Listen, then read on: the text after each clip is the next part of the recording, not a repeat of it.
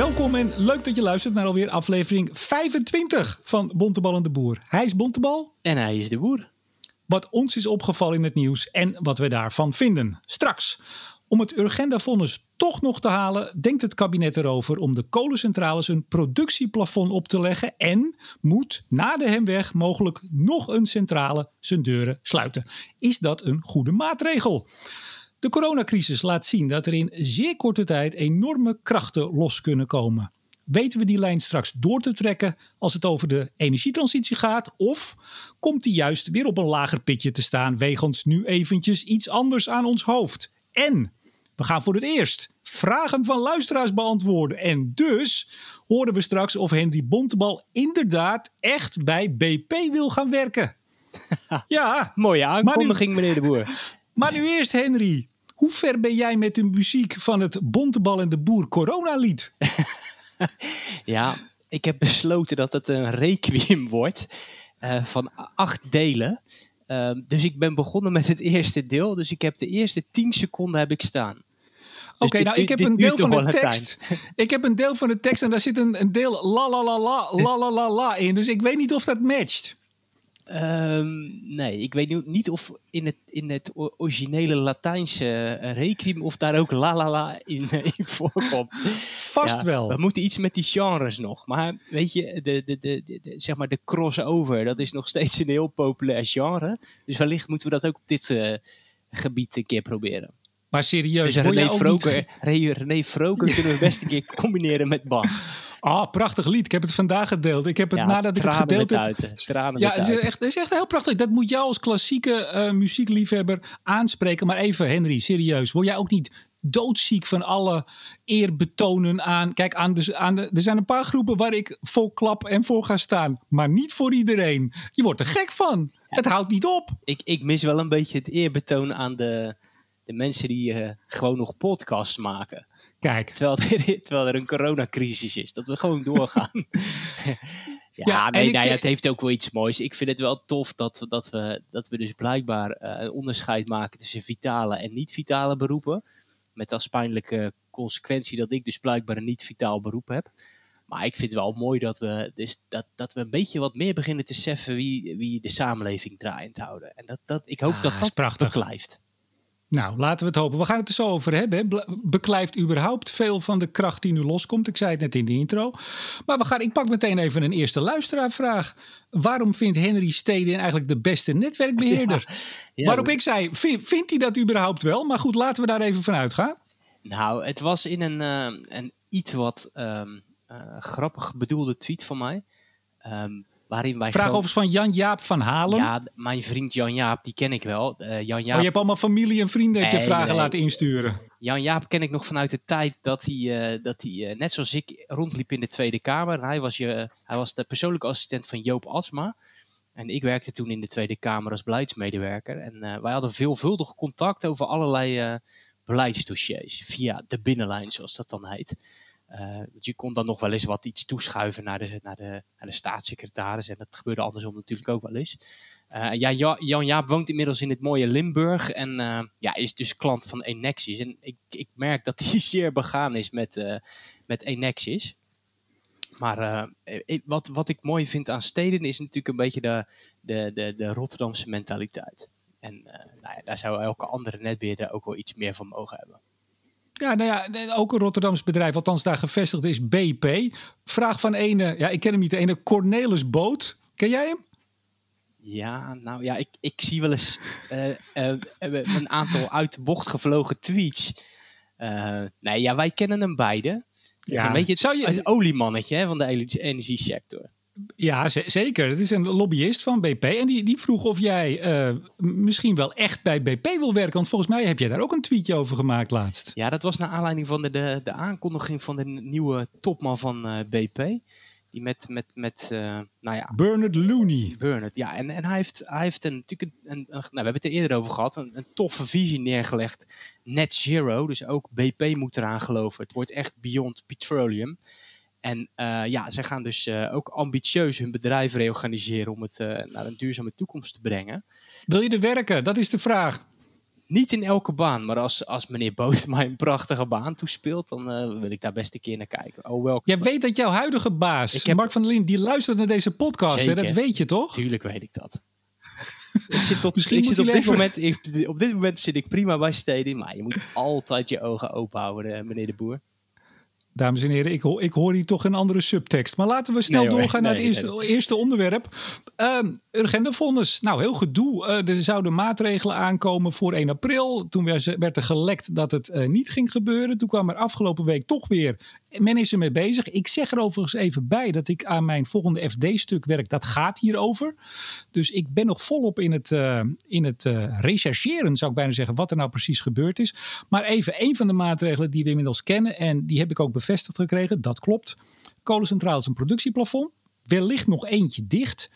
Um, het zou trouwens gaan voor een jaar of drie, heb ik begrepen. Ik geloof niet dat het in de media is geweest, maar dat heb ik van verschillende kanten begrepen. Een deal met de kolenjongens van drie jaar.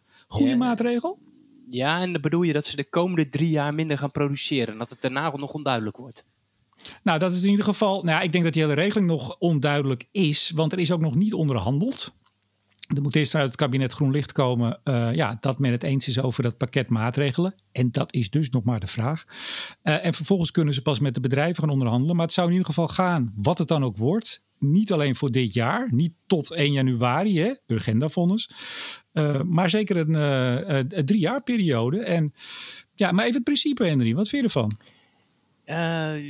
Ik vind dat ingewikkeld. Kijk, je hebt, het, je hebt het doel en dat is dat er minder CO2-uitstoot uit kolencentrales komt. Dat is natuurlijk uh, goed. De vraag is natuurlijk wel van of dit dan het meest effectieve instrument is. En dat zal denk ik ook nog wel afhangen van, uh, van de vormgeving. Uh, want op dit moment produceren die kolencentrales sowieso natuurlijk een heel stuk minder. Hè? Dus onze koning van de tweet van de dag, die had pas een mooi tweetje met dat de, de, het gebruik van steenkool al spectaculair gedaald was. Nou gaf We hebben het over Martien Visser, even voor de Visser, goede. Ja, en die, en die, die gaf natuurlijk meteen ook een aantal oorzaken aan. Hè? Dus de sluiting Hemweg, uh, onderhoud Maasvlakte, minder stroomexport. Dus, dus weet niet goed welke deal ze nu precies aan het maken zijn. Want het kan natuurlijk zijn dat ze zien dat, dat, dat uh, de productie van die kolencentrales al op een heel laag pitje is. En dat ze zeggen van nou ja, laten we dan maar gewoon gelijk even afspraken maken om, om dat een tijdje zo te houden hangt natuurlijk ja, er, wordt dus, er wordt dus nog niet onderhandeld. Dat is het punt. Nee, maar kijk, je weet waar ze maximaal op, uh, op kunnen draaien als ze voluit staan. Uh, en je kan zeggen, nou, wij willen zeker dat het niet meer wordt dan een kwart van dat. Dan kunnen we die megatonnen boven dat kwart, dat kunnen we inboeken. Dan weten we zeker dat die de lucht niet ingaan. Ja, maar ze zullen willen natuurlijk een soort zekerheid hebben, vermoed ik. Dus als je niks doet, dan zou het natuurlijk met veranderende omstandigheden... zou opeens, zou opeens die kolencentrale natuurlijk wel een heel stuk harder kunnen gaan draaien. Dus, dus eh, ja, ik, ik, ik moet nog zien hoe die deal er precies uitziet. En we hebben natuurlijk ook wel steeds discussie over gehad. Van ja, moet je, dit, uh, moet je nou echt in die ETS-sector iets blijven doen? Of moet je dat dan toch buiten die, buiten die ETS-sector vooral zoeken? Dus, dus um, uh, kolencentrales vallen toch al onder een Europees emissiehandelssysteem. Moet je het niet juist qua maatregelen heel erg gaan zoeken, juist in het niet-ETS-deel? Dat, Nou, dan pak ik meteen even een vraag van Lennart Goemans erbij, EZK-ambtenaar. Als jullie, dat zijn wij Henry, nu in crisistijd minister van EZK zouden zijn, wat zouden de drie maatregelen zijn waarop jullie je zouden concentreren, is zijn vraag. ja. En ik ga eerst, want ik heb erover nagedacht. Ja, Jawel. Mooi. Brandlos. Ik ben benieuwd. Drie, ga je dit drie noemen? Ik ga er drie noemen. Ik, uh, als ik minister zou zijn nu, maar eigenlijk ook buiten de crisis, zou ik me volledig concentreren op het niet-ETS. Ja, dus jij gaat niks doen aan het verminderen van uitstoot van fossiele energiecentrales in Nederland. Daar ga ik iets voor doen. Ik ga daarvoor harder in de EU lopen. Ja, dat horen we al uh, eh, 30 jaar, meneer de Boer. Ja, en dat gebeurt ook, meneer Bontebal. Dat gebeurt ook. We hadden ook nog een vraag, dan kom ik zo van Thijs ten Brink. Die vindt dat het, uh, hè, wat is duurzaam? Die vindt dat het ETS helemaal niet werkt. Ik vind dat niet. Ik vind dat het ETS wel degelijk werkt. Dus concentreer je minister De Boer en minister Bontebal, als je meedoet, op het niet-ETS. Ga in de EU harder lopen voor reductie in het ETS. En de derde is meer inzetten op innovatie. Nou, dat is een mooie. Die had ik ook namelijk. En welke andere heb je? Nou, ik, ik, ik, ik zou als eerste, dat is een, een hele vage. Uh, ik zou niet direct gelijk een maatregel afkondigen. Maar ik zou uh, bij het ministerie zelf uh, proberen om het iets wat doorgeschoten geloof in de markt, om daar eens een discussie over te hebben. Dus ik zou eigenlijk een soort metadiscussie willen starten bij, bij het ministerie van EZK. Ik, zie, ik, ik denk dat zij de afgelopen jaren nog steeds heel erg uh, eigenlijk op het spoor zaten van liberalisering, privatisering, het uitwerken daarvan. En ik geloof dat je eigenlijk weer opnieuw moet gaan kijken naar van ja, was dat nou op al die fronten wel zo slim? Dus ik zou als eerste gewoon een, een weet ik veel, een denktank of een werkgroepje. In ieder geval, ik zou willen dat binnen EZK het denken over markt en overheid opnieuw zou, uh, zou plaatsen. Ja, dus, dus minister Bontebal treedt aan, beëdigd door de koning hup naar het, uh, naar het ministerie. En daar kondigt hij aan, dames en heren, ik ga een metadiscussie starten. Ja, binnen het ministerie. En dat hoeft dus niet naar buiten, maar dat gaat binnen het ministerie oh. plaatsvinden. En daar gaan, als dat goed gebeurt, na een half jaar gaan we daar dan de vruchten van, uh, van plukken. Ja, en, en daarnaast, weet je, um, zou ik toch ook, ook gewoon, uh, dan kom ik weer met een aantal uh, stokpaardjes, maar ik zou... Doe er maar eentje even, de, de grootste, waar je het liefst bovenop zit. Regie van het, Rijk, van het Rijk. Dus alles maar overlaten en, en, en, en uh, ja, decentraliseren naar gemeentes. Um, uh, er wordt heel veel overgelaten toch aan de markt. Waar, wordt er nou, uh, waar worden nou duurzame energieinstallaties gebouwd? En ik zou denken, als we dit land niet willen laten verrommelen en als we de energietransitie niet heel duur willen maken, ja, dan moeten we, dan moet, dan moet, moet er gewoon veel meer regie van het Rijk op die hele energietransitie komen. Maar, maar wel, wellicht, Henry, is jou opgevallen dat er op dit moment op allerlei andere terreinen waanzinnig veel regie van uh, ja, de Rijksoverheid zit. Dat lijkt opeens te kunnen, ja. ja, dus wie weet. Maar daar komen we zo bij het onderwerp. Nou, en het derde uh, was innovatie ook. Hè? Dus, Kijk. Um, um, nou ja, ik zat, misschien, ik weet, misschien komen we daar nog op, maar ik zat het verhaal over groen gas te lezen. Um, en dan zie, je, dan zie je dus dat een aantal categorieën groen gas gewoon niet echt goed uit de verf komt, omdat er geen passende stimuleringsregeling is. Nou, we hebben pas een prijs uitgereikt aan een heel mooi bedrijf wat uh, superkritische watervergassing doet. En dan zie je dus in dat groen gasverhaal dat een heel belangrijk deel van die potentie, van die groen gaspotentie, dat, dat wordt toegekend aan dat kritische water, superkritische watervergassing. Ja. SCW Systems uit Alkmaar. Trouwens, Henry, even één uh, dienstmededeling. Misschien kun je je microfoon ietsje verder weg, want je plopt een beetje. Oké, nou dat, is niet, dat zijn niet de kurken die hier... Uh, is dit beter, meneer de Boer? Ja, dit is denk ik beter. Blijf er maar wel goed in praten. Ja, dames en heren. Zo zitten wij toch op afstand. Uh, er het beste van te maken, heet dat. Overigens, uh, Lars Schenkel had ook een vraag voor jou. Zit in dezelfde categorie. Die was alleen voor jou. Dus je ziet wel soms verschillen. Hè? Voor ons of voor jou. Maakt niet uit. Uh, stel dat je nou een werkgroep zou mogen leiden. Dus je bent nog even geen minister. Een werkgroep bij EZK. En je mag één ding veranderen aan het huidige energie-klimaatbeleid. Heb je die net beantwoord of heb je daar nog een andere? Ja, een beetje wel. Maar ik zou hem dan iets concreter invullen. Dan zou, dan zou ik met die werkgroep toch gaan nadenken over eigenlijk de publieke route. Dus hoe zeg maar, um, uh, ja, de, publieke sector, uh, daar vallen wat mij betreft ook de netbeheerders onder, uh, welke, de rol die, welke rol je die zou moeten geven om de energietransitie sneller te laten verlopen. Dat, dat, lijkt me nou een hele interessante werkgroep. Ik had vandaag bij Studio Energy Skype. Ik weet niet of je dat gehoord hebt. Je had waarschijnlijk toch weer niks te doen vandaag, dus ik hoop het wel. ik heb hem nog niet gehoord. Ik heb een eh, heel aantal van jouw korte gesprekken wel gehoord, maar deze staat nog op het lijstje. Ik had een gesprek met Alexander Savelkoel van uh, M+. M-Puls. Nee, M-Puls, pardon. Ik zei M+.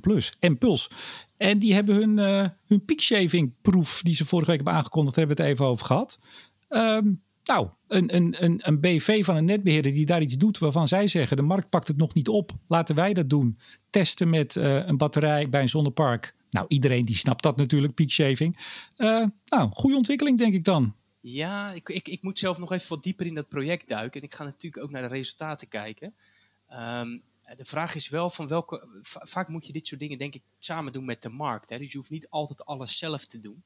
Ja, ze hebben met de markt. Ze, doen niet alleen. Dus nou, dat, dat vind ik heel goed. Ik ben heel benieuwd naar de resultaten. Ik weet niet of um, uh, netbeheerders of netwerkgroepen in de toekomst ook zich met batterijen moeten bezighouden. Daar, daar, zou ik wat langer over na moeten denken. Maar ik zou bijvoorbeeld meer zoeken in de discussie bijvoorbeeld over, uh, over warmte, over warmtenetten bijvoorbeeld. Daar zie je het nu ook eigenlijk dat die minister toch de netwerkbedrijven een beetje buitenspel wil houden.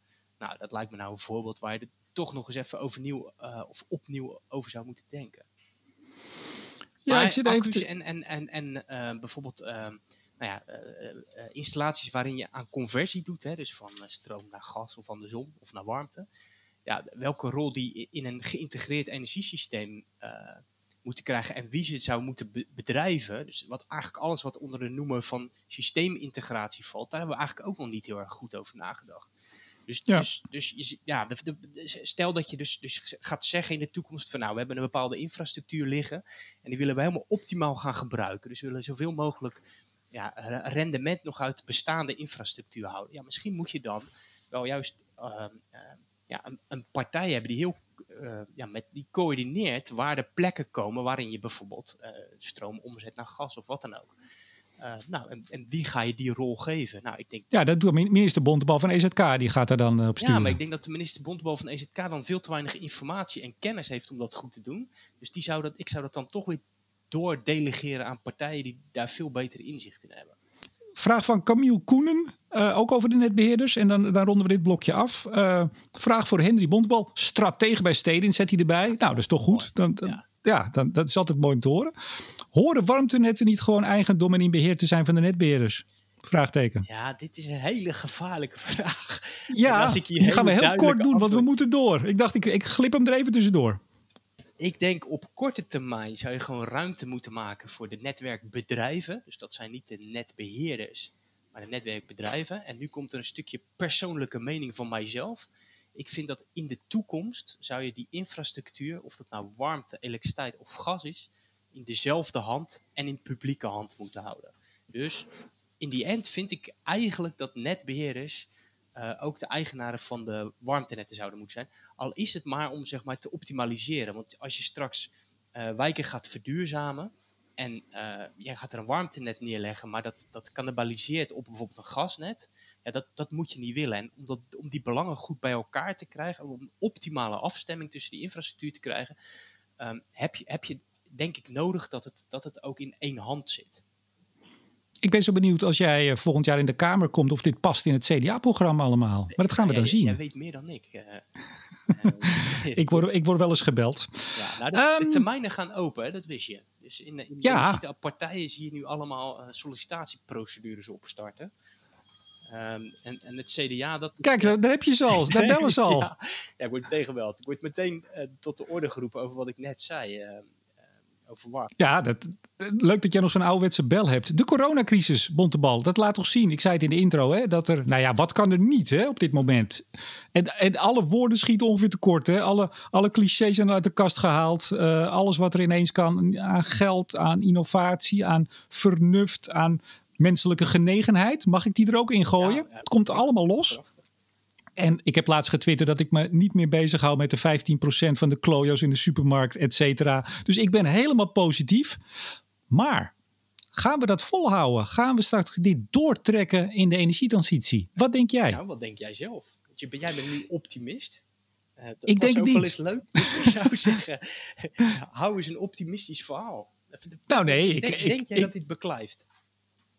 Ja, ik, ben, ik, ben, ik, ik zou het hopen, maar ik ben bang van niet. En uh, nou weet ik daar niet zo heel veel van, want je weet, we hebben het de vorige keer ook over gehad. Niet alleen zijn er duizenden, tienduizenden virologen en epidemiologen, maar er zijn inmiddels ook miljoenen economen en iedereen zegt het te weten en niemand weet het. Maar er stond een heel goed stuk in het Financiële Dagblad. Sowieso een hele goede krant, toevallig. um, dat was vorige week. En er stond ook uh, Beatrice de Graaf, uh, ja. stond daarin. Die had ook nog een mooie column. Je, hoort, je valt nu een beetje weg trouwens. Je mag nu alweer iets harder praten. Iets okay. dichterbij. Zo? Ja, uh, ja is beter. Um, ze had ook haar column volgens mij afgelopen zaterdag in, uh, in het FD. Ja. Uh, zij is historica en zij en haar groep doen of deden ook onderzoek naar uh, ontwikkelingen, waaronder pandemieën in de afgelopen poeh, 200 jaar. Ja. Maar dat stuk in het FD, daar worden er meerdere opgevoerd. ja, en, en ja, mensen zijn meesters in vergeten, vond ik wel een mooie quote. Ja, dat is... Het blijkt als je teruggaat uh, in de tijd naar nog veel grotere, althans, wat we nu kunnen inschatten van de, deze crisis, naar nog veel grotere crisis. Dat het uh, vermogen om daar iets uh, van te leren en het anders te doen buitengewoon gering is. Dat, is, dat zijn de feiten, Henry. Ja, ja, maar dan zeg ik altijd weer, van iets wat ooit op een bepaalde manier gaat, hoeft niet altijd zo opnieuw weer te gebeuren. Dat is, dat is ook weer geen wetmatigheid. Zeker. Ehm, ja, kijk, ik, ik las vandaag nog een onderzoek van ehm, zeg maar het internationale Motivaction. Ik ben even de naam kwijt hoe dat dan precies heet. Eh, die hadden gekeken naar de effecten op de, de waarde en het vertrouwen van Chinezen. Dus die, die, die, de, de mensen die daar echt in zo'n lockdown hebben gezeten. En ehm, nou, wat zij constateren is dat de Chinezen toch allemaal meer vertrouwen hadden gekregen in instituties. En toch ook echt collectiever gingen denken. Dus, dus, dus individualistisch gedrag, dat werd, dat werd, dat werd steeds uh, ja, dat werd, werd, werd extra afgekeurd. Of meer afgekeurd dan voorheen. Dus, dus, dus er zat toch een soort collectieve uh, hang uh, ontstond er. Dus een, ja, een soort correctie op, op individualisme. Nou ja, als dat, als dat nou ook een effect zou zijn wat bij ons zou plaatsvinden, dan zou dat toch mooi zijn. Ja, en de vraag of dat beklijft, dat, dat, dat, dat weet ik niet. Ik hoop het wel. Um, er stond een. Uh, uh, ik, ik, moet even kijken, want ik heb hier vijf vellen met vragen en tekst en aantekeningen liggen. Dus ik moet af en toe even zoeken. Er stond wel een mooie quote. Alleen ingrijpende veranderingen, uh, en dat is dan de afgelopen 2000 jaar, bleek als er een substantieel deel van de bevolking sterft. Ja, en wat is dan substantieel? Ja, dat is altijd even lastig, maar dan heb je het niet waar we het nu over hebben. Dan heb je het eerder nee, over maar, ja, miljoenen. Aan de andere kant denk ik wel, ik ben zelf 37 jaar. Ik heb nog nooit uh, eigenlijk zoiets meegemaakt. Hè? Dus zo'n maat toch wel van inperking op in, in, in een aantal vrijheden. Uh, en ik denk dat het nou, voor niemand na de Tweede niemand. Wereldoorlog. Nee, dus het, dus, nee. dus het aantal doden, ja, dat is misschien uh, nog beperkt. Uh, maar de impact en, en ja, de impact die, die dat op, op, het, op, op het denken van mensen hebt, zou wel eens veel groter kunnen zijn. Want je zet wel een hele bevolking um, uh, toch een beetje, klein beetje in quarantaine. Um, dus misschien moet je het niet alleen afmeten ook aan het aantal mensen wat, wat aan zo'n virus sterft, maar ook gewoon de enorme impact die het heeft op, op de samenleving, op het gevoel van vrijheid. Maar goed, die, die onderzoeken waar ik het nu over heb, dat gaat over uh, 2000 jaar terug. Uh, in hoeverre je dat er weer onderzoekt, is weer een heel ander onderwerp voor een podcast. Overigens, je had het net over een onderzoek, over Motivaction had je het geloof ik. Ja. Heb je nog dat onderzoek meegekregen, uh, dat was volgens mij vorige week, dat 99% van de mensen zich houdt aan de anderhalve meter afstand. Ja, en dat was gevraagd aan die mensen zelf, geloof ik, toch? Ja, en die hebben gezegd, ja, ja. dat doe ik. Ja. Jazeker. Ja. En wat nou zo bizar was, ik had daar een tweetje over gemaakt. En toen, uh, nou, vlak daarna geloof ik, hoorde ik bij BNR, was de, de man van het onderzoek de gast. Uh, volgens mij heet ze INO Research. Maar daar ja, wil ik ja, even ja. vanaf zijn. Ja, klopt dat? Ja, ik denk het wel. En uh, die hebben overigens twee dagen geleden ook weer een onderzoek gedaan. inderdaad, naar, naar die. Misschien hebben, misschien hebben we het nu over hetzelfde onderzoek. Nou, ze hebben ook iets voor Milieudefensie, geloof ik, gedaan. Maar dat, ja, ze hebben, dat nu, ze, hebben even... de, ze hebben, ze hebben twee dagen geleden of zo hebben ze, hebben ze een onderzoek gedaan naar of, of mensen klimaatbeleid nog steeds belangrijk vinden in Precies, tijden van corona. dat was voor Milieudefensie, klopt. Ja, okay, ja. maar, dit, maar dit onderzoek, en ik, ik, ik, ik viel mijn bek viel weer eens open hoor. 99%. Toen werd hem de vraag gesteld door een van de presentatoren bij BNR. Van ja, maar hoe weet u nou dat mensen wat ze zeggen ook doen? Hij zegt ja, maar ze vullen ook niet allemaal in dat ze het doen. Oftewel, Oftewel, het feit dat er ook mensen zijn die het niet doen, maakt het blijkbaar betrouwbaar. En toen zei hij, ja, maar 99 procent. Hij zegt, nou ja, het kan ook 92 zijn ja. of 95. Ja, ook wel, ja. Ja. nou goed, je ziet toch wel gekkere dingen langskomen in deze beetje, tijden. Het doet me een beetje denken aan het onderzoek wat een heel aantal jaar geleden gedaan werd naar uh, strandbezoekers. Er werd er gevraagd van, als er nou een windpark op zee komt, blijft u dan weg? Um, en toen hadden er ook een heel aantal mensen die, waren heel boos over die windparken. En die zeiden, nou, we blijven natuurlijk weg. Dat was best wel substantieel deel. Maar in die end blijkt natuurlijk dat helemaal niemand wegblijft. Dus, dus het verschil tussen wat, wat mensen zeggen dat ze gaan doen en wat ze daadwerkelijk doen, daar zit nogal een grote delta tussen. Nee, ik moet, ik moet wel zeggen wat INO wel goed had gedaan. Dat was eigenlijk het andere deel. Uh, maar ja, dan zie je dat die 99% die was uh, trending all over the place. Ze hadden ook gevraagd naar wat mensen vonden van de maatregelen van het kabinet. En dat vond ik wel een heel ja. uh, relevant. Ja. En dat kun je namelijk ook vragen. Ja, en volgens mij is het een grote mate van vertrouwen, toch? Absoluut. Ja, ja joh, joh, man, dat wordt dat jouw vrienden van het CDA die kunnen echt inpakken hoor bij die volgende verkiezingen. Als het zo doorgaat, hè? Want dat is natuurlijk maar de vraag. Ja, ja. Ja. Want Wop, Wopke, die heeft zich wel... Uh, dat gaat niet goed hè, met Wopke. Nou... Nee. Ja, ik nee, vind... Hugo, Hugo die, zit, die zit nu thuis met zijn vers geknipte haar door zijn vrouw. en die denkt, nou, dit, dit gaat mijn kant op vallen hoor. Ik denk dat hij dat helemaal niet denkt. Ik denk dat die jongen denkt, ik ga nu gewoon zo goed mogelijk mijn klus klaren. Dat denk ik eigenlijk. Oh ja hoor, nee, nou goed. Allemaal in het langsbelang, meneer de Boer. Ja, lees donderdag even mijn stukje in het FD. En vandaag Bas Knopen in het FD ook. Uh, even uh, een mooie relaas over hoe ook kabinetsleden nu toch de crisis uh, nou, gebruiken nou, misbruiken schrijft hij niet hoor, maar gebruiken om wat uh, vervelend nieuws toch even er doorheen te jassen. Dat, uh, ja, dat gebeurt natuurlijk ook, Henry, dat weet jij ook. Dat weet ik ook, ja. Ja, ja zo gaat ja. dat. Maar hey, ik, Wopke die valt echt niet zomaar door één ding van zijn voetstuk hoor. Ja, maar dit was wel ongekend dat hij uh, eigenlijk gewoon publiekelijk excuses ging maken. En dat er even met een miljardje geprobeerd werd wat pijn weg te masseren. En toch vind ik, en dat meen ik ook echt oprecht, ik vind het mooi als iemand gewoon daarop terugkomt. Tuurlijk. Ja, dat is toch mooi. Hoeveel politici schreeuwen niet wat en komen daar nooit op terug. Dat vind ik veel heb, kwalijker. Heb je uh, dit weekend een beetje de achtergrond, de reconstructies gelezen van hoe het zover gekomen is en hoe ongelooflijk onbehouden hij en dit kabinet, maar hij als, uh, als spits in Europa liep te banjeren? Ja, maar ik ben ook altijd wel benieuwd van hoe wordt dat spel tussen die landen onderling gespeeld. Dus soms wordt er ook wel een beetje een soort bad guy gekozen. En dat is dan Nederland. En dan trekt Duitsland het een soort weer van recht. Dus ik vind het altijd wel heel lastig om dan precies ja, te weten hoe dat gaat. Ik, ik, nou ja, goed. Als jij... nou, moet die Merkel, die had het toch iets slimmer bekeken. Of die had er allemaal niet zoveel zin meer in. Want die loopt ook op de laatste benen. Hè? Ja, maar, ja maar, en, en die heeft ook net iets meer ervaring. Maar goed, de energietransitie, gaat die vertragen? Gaat die versnellen? Zullen we het gewoon eens heel zwart-wit wit maken of blijft die gelijk? Um, ik, ja, dat is een lastige. Ik denk dat die op korte termijn vertraagt, maar op langere termijn niet. Dat denk ik. Ik denk dat we het weer eens zijn. Alleen daar moeten we wel, wil ik het, nou wil ik het voorbehoud bij maken. Want we doen er nog eigenlijk, nou we doen zeker niet lacherig over de crisis, absoluut niet. Maar we zitten nu in week drie, vier? Ja, we hebben nu, ja, ja, uh, we hebben nu drie weken gehad, dus in week vier zitten we. Ja, je dat zag de kinderen thuis zijn. Dus ik meet alles af aan het feit dat mijn kinderen thuis zijn. Dus dat, daar is Ja. de crisis bij mij begonnen, zeg maar. En een beetje het, het humeur, zeg maar. Ja, hoe, dat, hoe dat steeds... Dat is, ja, dat- dus, ja, dus drie weken Maar geleden goed. begon de crisis echt. Ja, eh, maar we zitten nu nog hartstikke vrolijk deze podcast te maken. Maar als we hier zo eh, eind augustus, begin september nog zouden zitten... en ook eh, de, de hele, het hele gevoel eh, in de natie omslaat... en dus ook Rutte en het kabinet eh, eh, op hun donder krijgen... eh, ja, waar zitten we dan? Hè? Dus eigenlijk, Je kan er niet. bedoel, we weten het gewoon allemaal niet. Zullen we dat gewoon eerlijk zeggen? Eh, ja. ja, ja nou ja, het, is, het is misschien, het is vaak ook. Ik, kijk, ik, maak eh, nu voor, voor steden zelf ook wat scenario's. Dus wij proberen ook natuurlijk nu al een beetje te gaan kijken van, nou ja, wat, wat, wat zijn scenario's, wat, hoe, hoe het zou kunnen gaan lopen voor ons bedrijf. Ja, weet je, dat varieert van eh, dat we zeggen van het is eh, drie maanden nog eh, ja, beperkingen tot zes maanden tot, tot een jaar.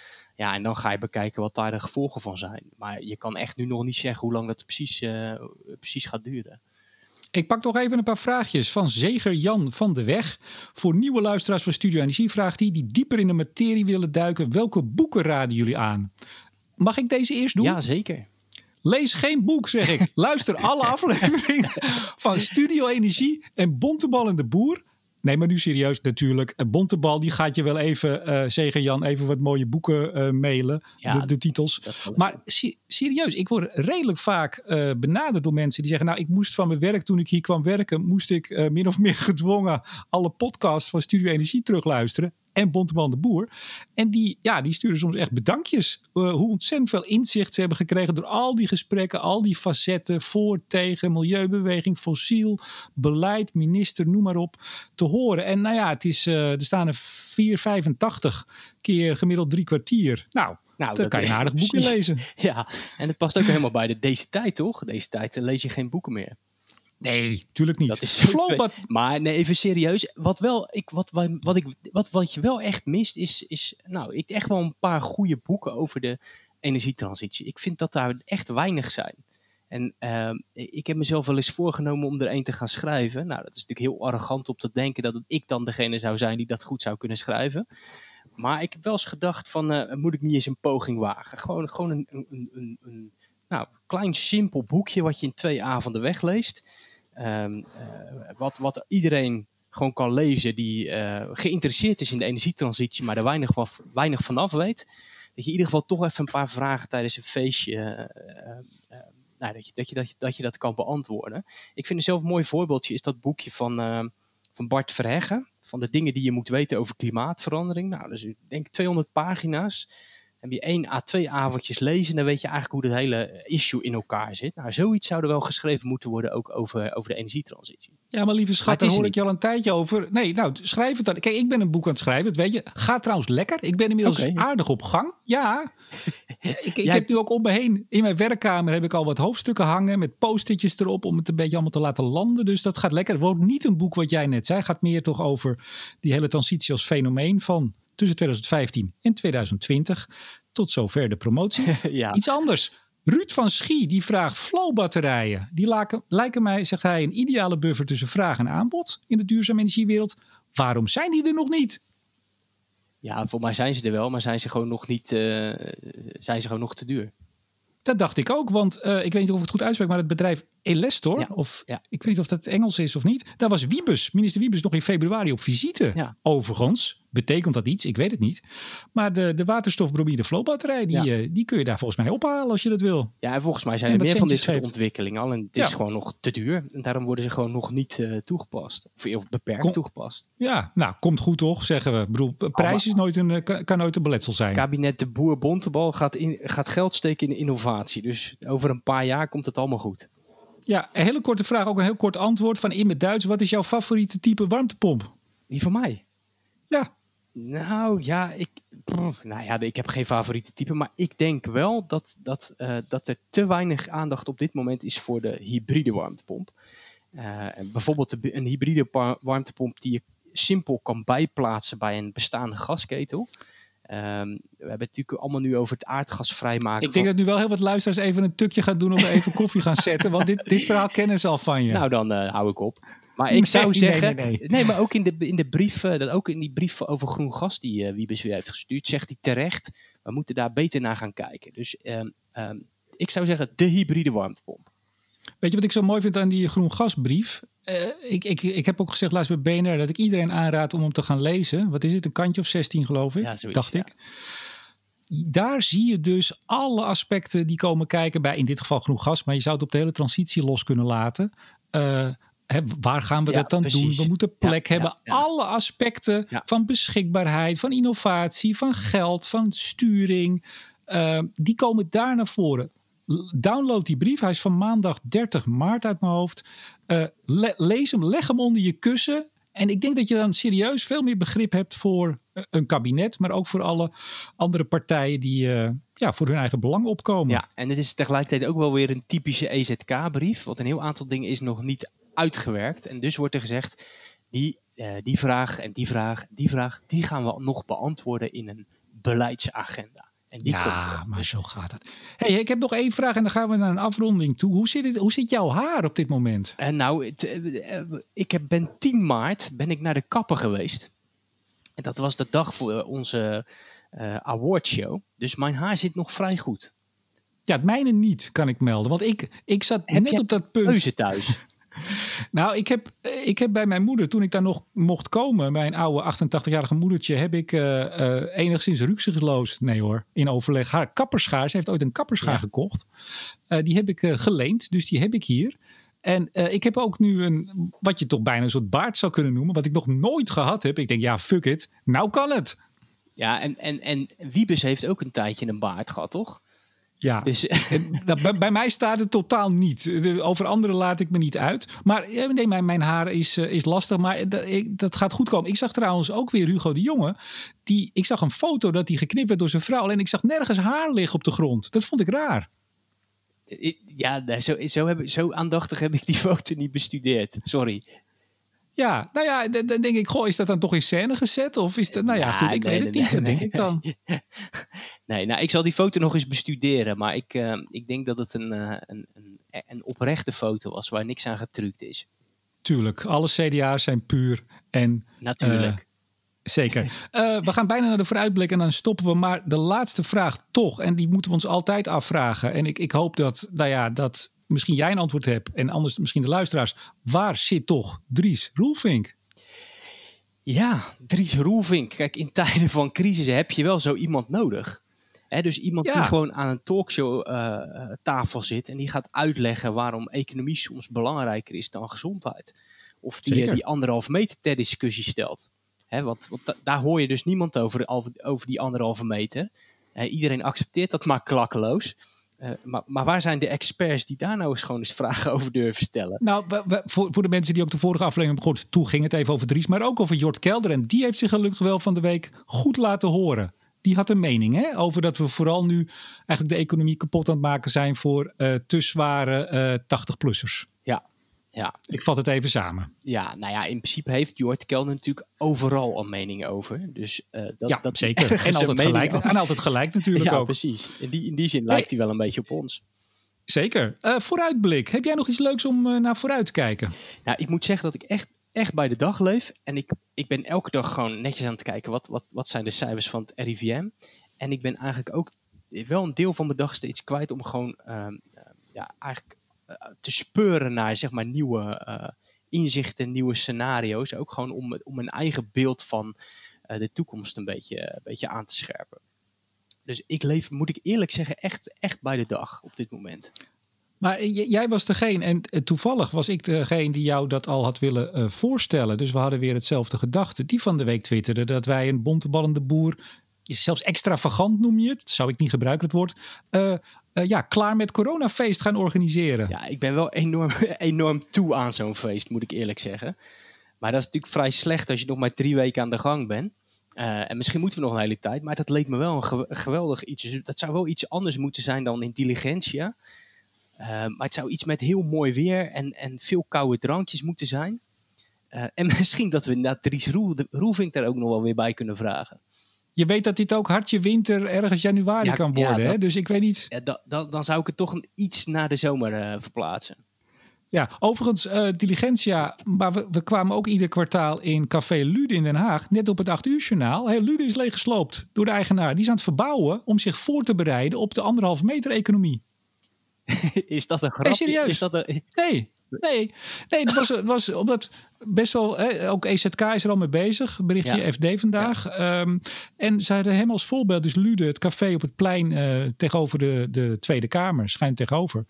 Uh, die heeft de hele zaak al leeggesloopt. Uh, ik, ik vermoed dan dat hij toch al van plan was te gaan verbouwen. Maar anders is het wel een hele slimme ondernemer. Die denkt, nou ja, die regels gaan er weer een keer vanaf of versoepeld worden. Dus die is nu allemaal soort zitjes aan het maken met meer ruimte ertussen en afgeschermd van de anderen. Die hele zaak is leeggesloopt. Maar dan zou de eerste borrel daar weer kunnen plaatsvinden. Nou, hij zei wel partijen voorlopig niet. Dus ik zei tegen mijn vrouw, nou, wij niet. Nee. Ja. ja. Hey, en eh, tot slot uh, vooruitblik in het kader van wat jij dan uh, de schaamteloze zelfpromotie noemt. En ik gewoon zeg, dit is een buitengewoon interessant weetje.